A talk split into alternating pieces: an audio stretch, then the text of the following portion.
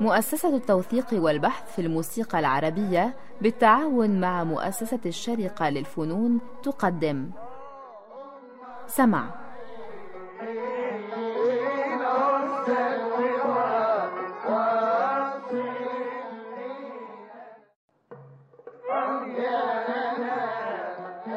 سمع. برنامج يتناول ما لدينا من إرث موسيقي بالمقارنة والتحليل. فكرة مصطفى سعيد.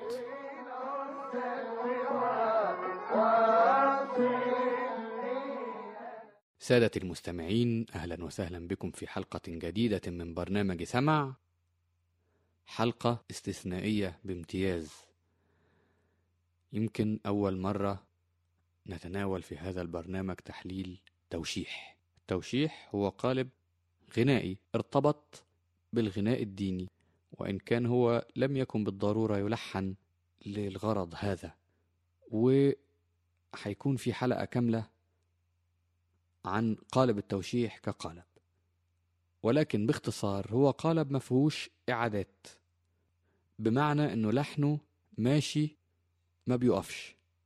مفيش أي إعادة لا لمذهب ولا لنقطة رجوع للإكمال سواء اللازمات أو التسليمات أو المذاهب. اللحن إذا مستمر بيستعرض المقام من جذره لجذعه لفرعه لذروته. في كل فقرة من فقرات توشيح في كل بيت أو عند كل محطة بيقف المؤدي المنفرد علشان يفرد. أحيانا بيكون التفريد عن طريق الأهات أحيانا بيكون التفريد عن طريق كلمة واحدة فقط من البيت السابق اللي هو قاله مع المجموعة. أحيانا بيكون التفريد على بيت كامل أو على شطر كامل. وفي مسألة التفريد هننوه بس الحاجة ليها علاقة بالتسليم والاستلام. التوشيح عمل جماعي ما بيقولوش فرد أبدا. هو عمل جماعي وفي وسط فقراته بيفرد المنشد المنفرد. فإذا التفريد ده هو اللي هيسلمهم يا إما لأن هم يقولوا الفقرة الجديدة يا إما إن هم يعيدوا الفقرة القديمة. خلينا نسمع من التوشيح بتاعنا من الشيخ علي محمود إزاي بيخليهم يعيدوا فقرة من الفقرات القديمة.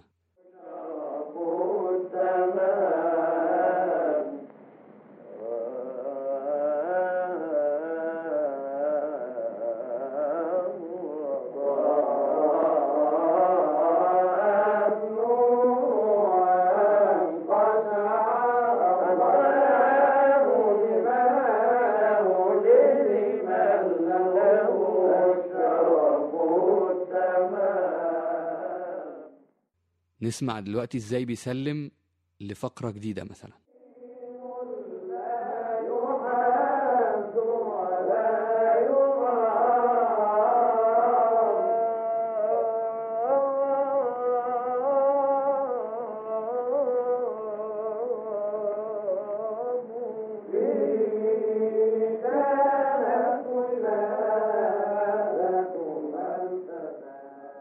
تمام زي ما يكون بيعلم لهم للمقام الجديد اللي هم هيشتغلوا عليه.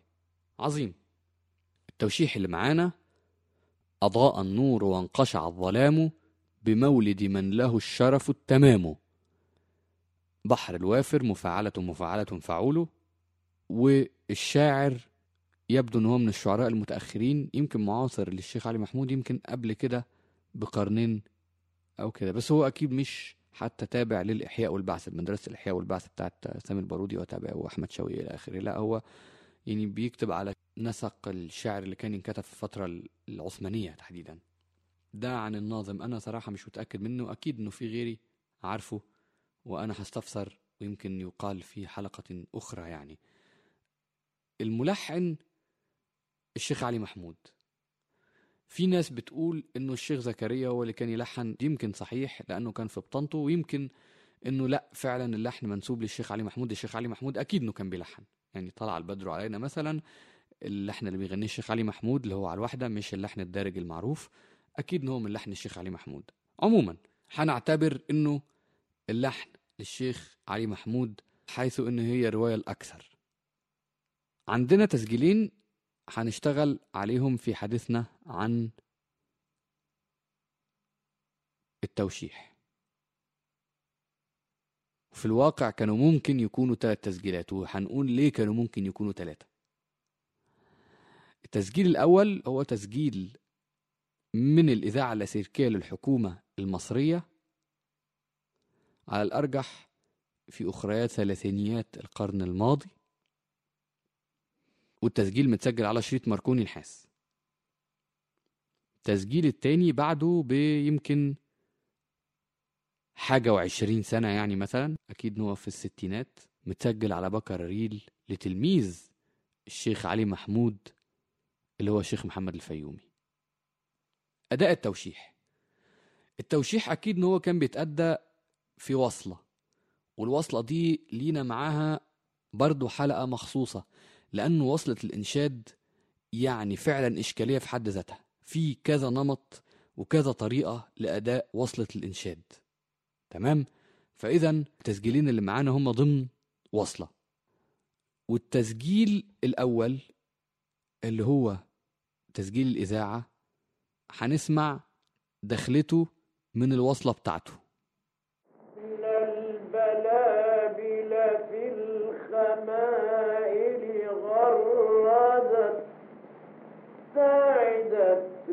بمولد أحمد الأعوام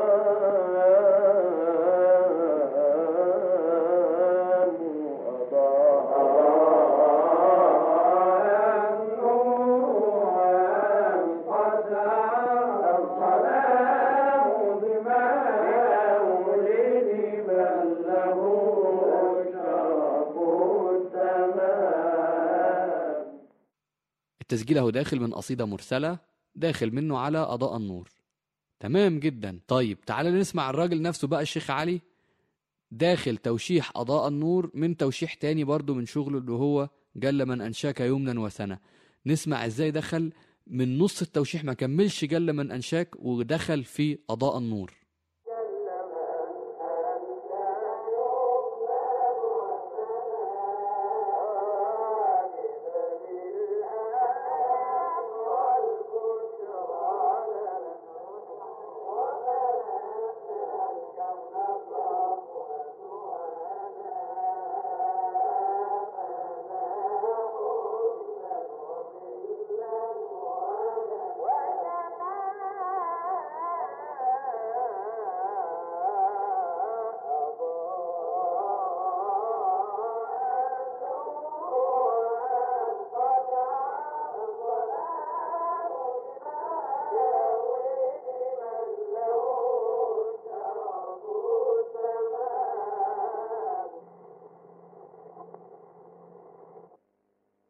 شفنا إزاي الدخلة من نص توشيح تاني قرر ان هو ما يكملش توشيح الأول وفات في التوشيح التاني وللأسف انه الشريط خلصان هنا لكل أسف.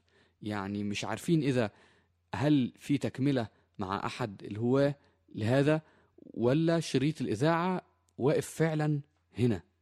فاحنا يعني مش عارفين الراجل بتاع الإذاعة اللي كان بينقل الاذاعه خارجية ما سجلش بس يمكن يكون حد غيره سجل الله أعلم.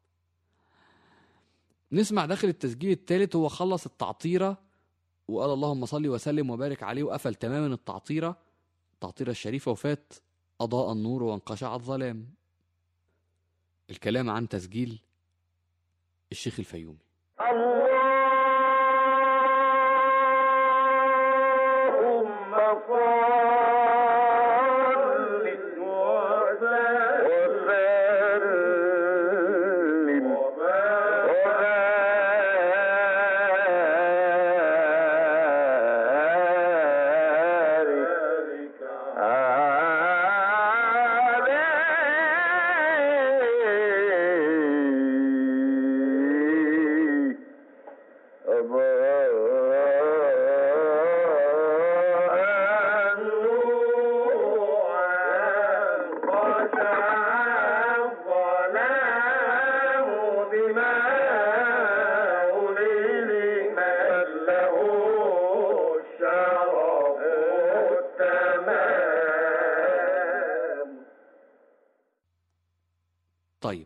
سمعنا بداية التوشيح. نسمع بقى تفريدة للشيخ علي محمود بيرجعهم فيها للأول ونسمع نفس التفريدة من الشيخ محمد الفيومي.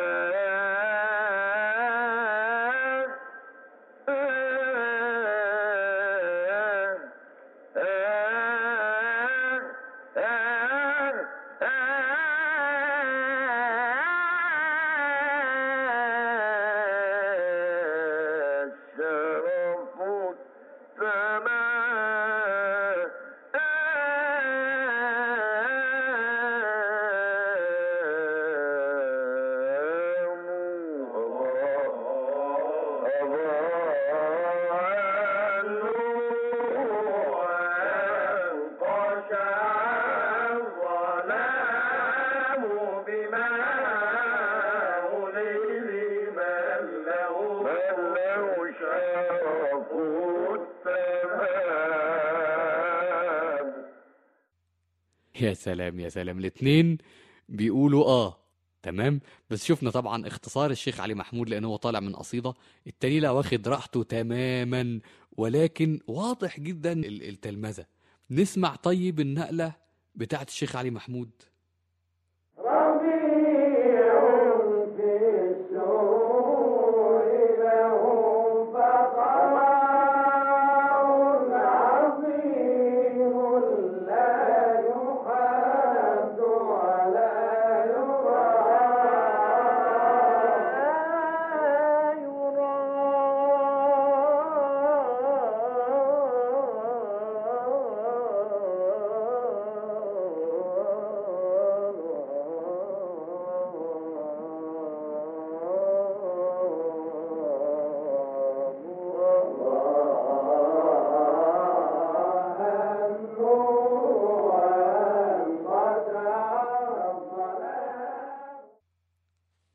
يا نهار أبيض يا نهار أبيض يا نهار أبيض. أقول إيه؟ مش ممكن الراجل ده كوم والمزيكا كلها كوم تاني. الشيخ علي محمود يا جماعة الشيخ علي محمود سلم نازل ب progression كده نازل sequence تسلسل هابط وبعدين بكل سلاسة بينقل نقلة بيجيب الشوري ما تفهمش جابه منين. وهو نازل بياتي يا نهار أبيض يا نهار أبيض. وبعدين وشوف سلم إزاي يا نهار أبيض. مش ممكن مش معقول الراجل ده. مش معقول مش معقول مش معقول. نسمع نفس تسليمة من الأول للتاني من الشيخ الفيومي.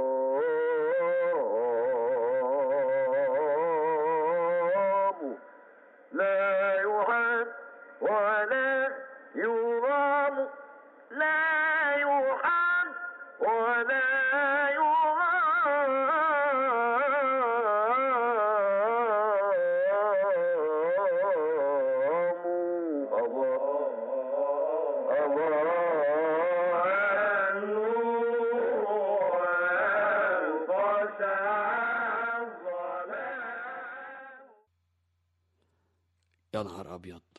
يا نهار أبيض. وملاحظين بقى أكيد أكيد الكل سمع ولاحظ التأثر اللي بين العملاقين. بس أستاذ وتلميذ بس شوفوا مش معقول الناس كانت إزاي قادرة تتعلم؟ مش بس بقى اتعلم لا تتعلم. هو أكيد إن هو كان في بطانه الشيخ علي محمود وده كان أسلوب التعليم. ده كان أسلوب التعليم حتى اللي إحنا اتعلمنا عليه اللي جيلنا اتعلم عليه يمكن. أو بعض جيلنا لحق غير بقى المعاهد يعني. أقصد ال- ال- ال- التلقين ده إلا عن طريق الميراث. أنت قاعد معايا. إحنا قاعدين. زملاء وفي نفس الوقت أستاذ وتلميذ. عموما. نختم بقى الحلقة دي مع تسجيل الشيخ علي محمود كاملا بما في ذلك الوصلة اللي قبله واللي بعده. يعني هو قايل قصيده قبله أشرق فيومك وقايل قصيده بعده إذا كان يوم الحشر والعرض واللقاء. اللقاء اللقاء يعني. وللأسف إنه برضه التسجيل مقطوع يبدو إنه كان وقته في الإذاعة خلص. عموما نسمع كل التوشيح.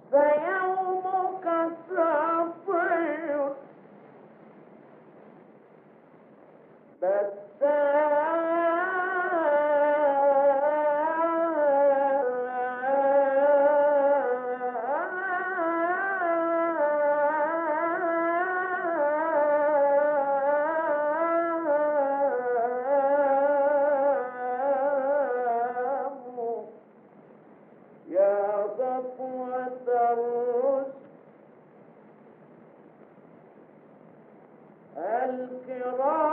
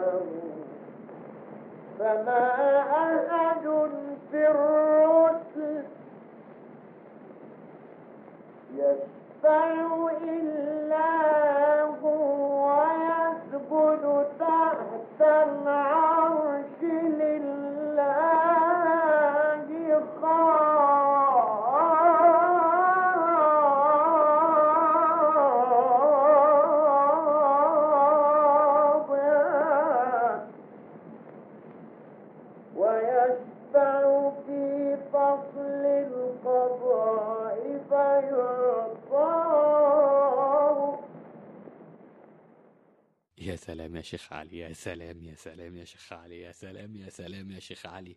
يا سلام لبكرة الصبح يا شيخ علي مش معقول والله. حاجة حاجة حاجة خيالية. الراجل ده أسطورة. الراجل ده حاجة يعني إذا في ظاهرة يبقى يلا عموما سنواصل الحديث عن أضاء النور في الحلقة القادمة من برنامج سمع إلى حينها نترككم في الأمان.